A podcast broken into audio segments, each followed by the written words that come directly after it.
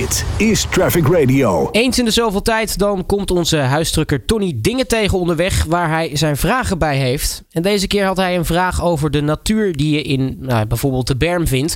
Heeft dit namelijk, naast dat het er leuk uitziet, ook een veiligheidsfunctie? Uh, de man die er alles vanaf weten kan, dat is uh, Alex van Loon van Rijkswaterstaat. Alex, hele goedemiddag. Ja, goedemiddag uh, Robert, met Alex van Loon van Rijkswaterstaat.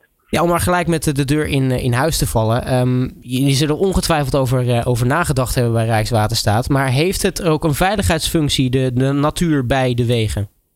Nou, zeker weten. Dat heeft zelfs een primaire uh, veiligheidsfunctie. Want als uh, auto's uit, uit koers raken, een klapband krijgen, of bij ongevallen, ja, dan kunnen ze in de berm raken. En dan wil je wel dat daar de berm veilig is ingericht, alsof, ja, zodat de letsel zoveel mogelijk wordt beperkt. Ja, want als ik bijvoorbeeld onderweg kijk, want toen Tony die vraag stelde, was het eigenlijk het eerste waar ik aan dacht. Als je een, een, een klaverblad hebt bij, bij een snelweg, dus waar twee snelwegen elkaar kruisen, dan heb je zo'n mooi klaverblad waar je dan ook de, de afritten hebt. En dan heb je vaak midden in zo'n klaverblad, of er net buiten, hangt er een, een, bijvoorbeeld een lage heg of, of een aantal rij bomen.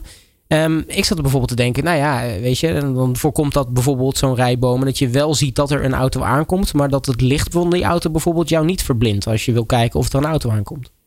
Ja, dat uh, in specifieke gevallen, als je inderdaad uh, tegengesteld verkeer hebt uh, in klaverbladen, wat soms wel eens voorkomt, dan, dan is dat inderdaad handig als daar, dat je dus door kerend verkeer, draaiend verkeer, op het tegemoetkomend verkeer niet verblind wordt. En dan is het handig dat daar ja, een afscherming tussen zit. En ja, natuurlijk is dat mooi als je dat via een natuurlijke manier doet, door middel van bomen of passages. Maar in het geval dat er, als de ruimte erg beperkt is, dan zetten we daar uh, anti-verblindingsschermen neer. Ik moet gewoon zeggen dat ik dat heel vet vind. Dat, dat er ook echt daadwerkelijk op dat niveau over dingen wordt, wordt nagedacht. Want laten we eerlijk zijn, ja, als automobilist, waarschijnlijk sta je er niet bij stil als je, als je langs de weg rijdt, dat, dat dat soort dingen ook een veiligheidsfunctie hebben. Ja, nou dat is ook het mooiste. Je hoeft als automobilist vooral niet stil te staan bij de veiligheidsfunctie van, uh, van de weg. Je moet vooral gewoon uh, vooral op je uh, natuurlijke manier gaan rijden. En op een comfortabele en een overzichtelijke manier.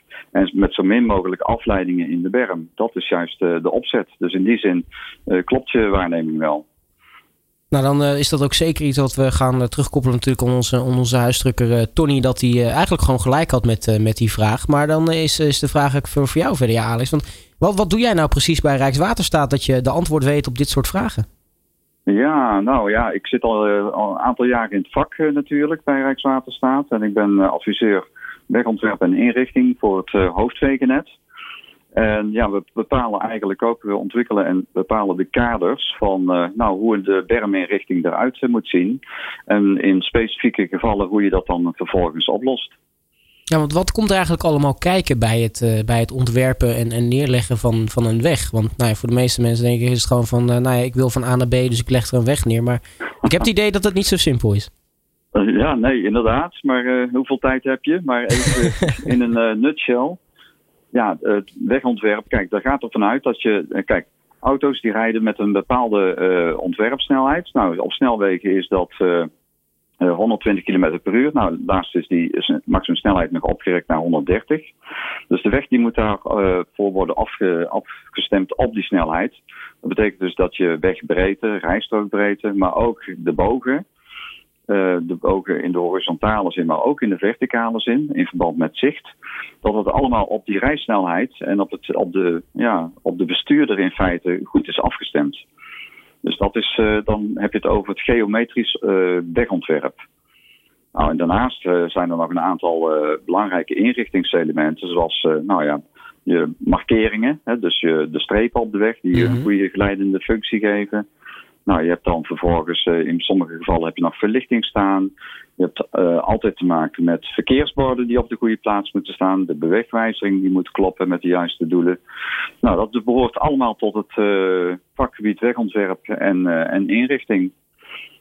En dat is dus eigenlijk een, een, een, dat lijkt me inderdaad een hele dagtaak om, om daarmee bezig te houden. Maar hoeveel nieuwe wegen komen er eigenlijk bij waar dat soort dingen van belang zijn? Wordt er veel gebouwd? Nou, kijk, uh, de, de grote aanleg van wegen, dat, uh, dat hebben we wel gehad. We hebben nog, uh, nog zeker nog een aantal projecten waarin er echt nog nieuwe stukjes worden aangelegd. maar in het algemeen geldt het dat, dat wegen worden gerenoveerd.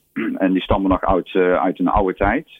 En de eisen ten aanzien van wegontwerp, ook door kennis en ervaring, zijn daarmee aangescherpt. En die, die wegen moeten dan vervolgens weer verder worden, kunnen we dan vervolgens worden aangepast. Er is dus nog genoeg werk aan de winkel. Zeker, we hebben een grote vervanging- en renovatieopgave binnen Rijkswaterstaat. Heel veel objecten die, eh, die, staan, eh, die zijn in de vervanging of in de renovatie. En daar kunnen we natuurlijk ook weer eh, bij adviseren. Nou, tot slot ben ik eigenlijk wel benieuwd. Want, want hoe, hoe staat Nederland er eigenlijk internationaal op qua, nou ja, qua wegenontwerp en dergelijke? Ja, nou, nou eerlijk gezegd, je, je vraagt de vraag, je stelt de vraag precies goed. Want we zijn inderdaad internationaal staan we heel hoog aangeschreven qua kwaliteit wegontwerp, maar ook dat wij een hoog prestatieniveau, dus een hoog afwikkelingsniveau, dat we veel verkeer kunnen verwerken over onze wegen, omdat ze er zo, juist zo goed uh, uitzien.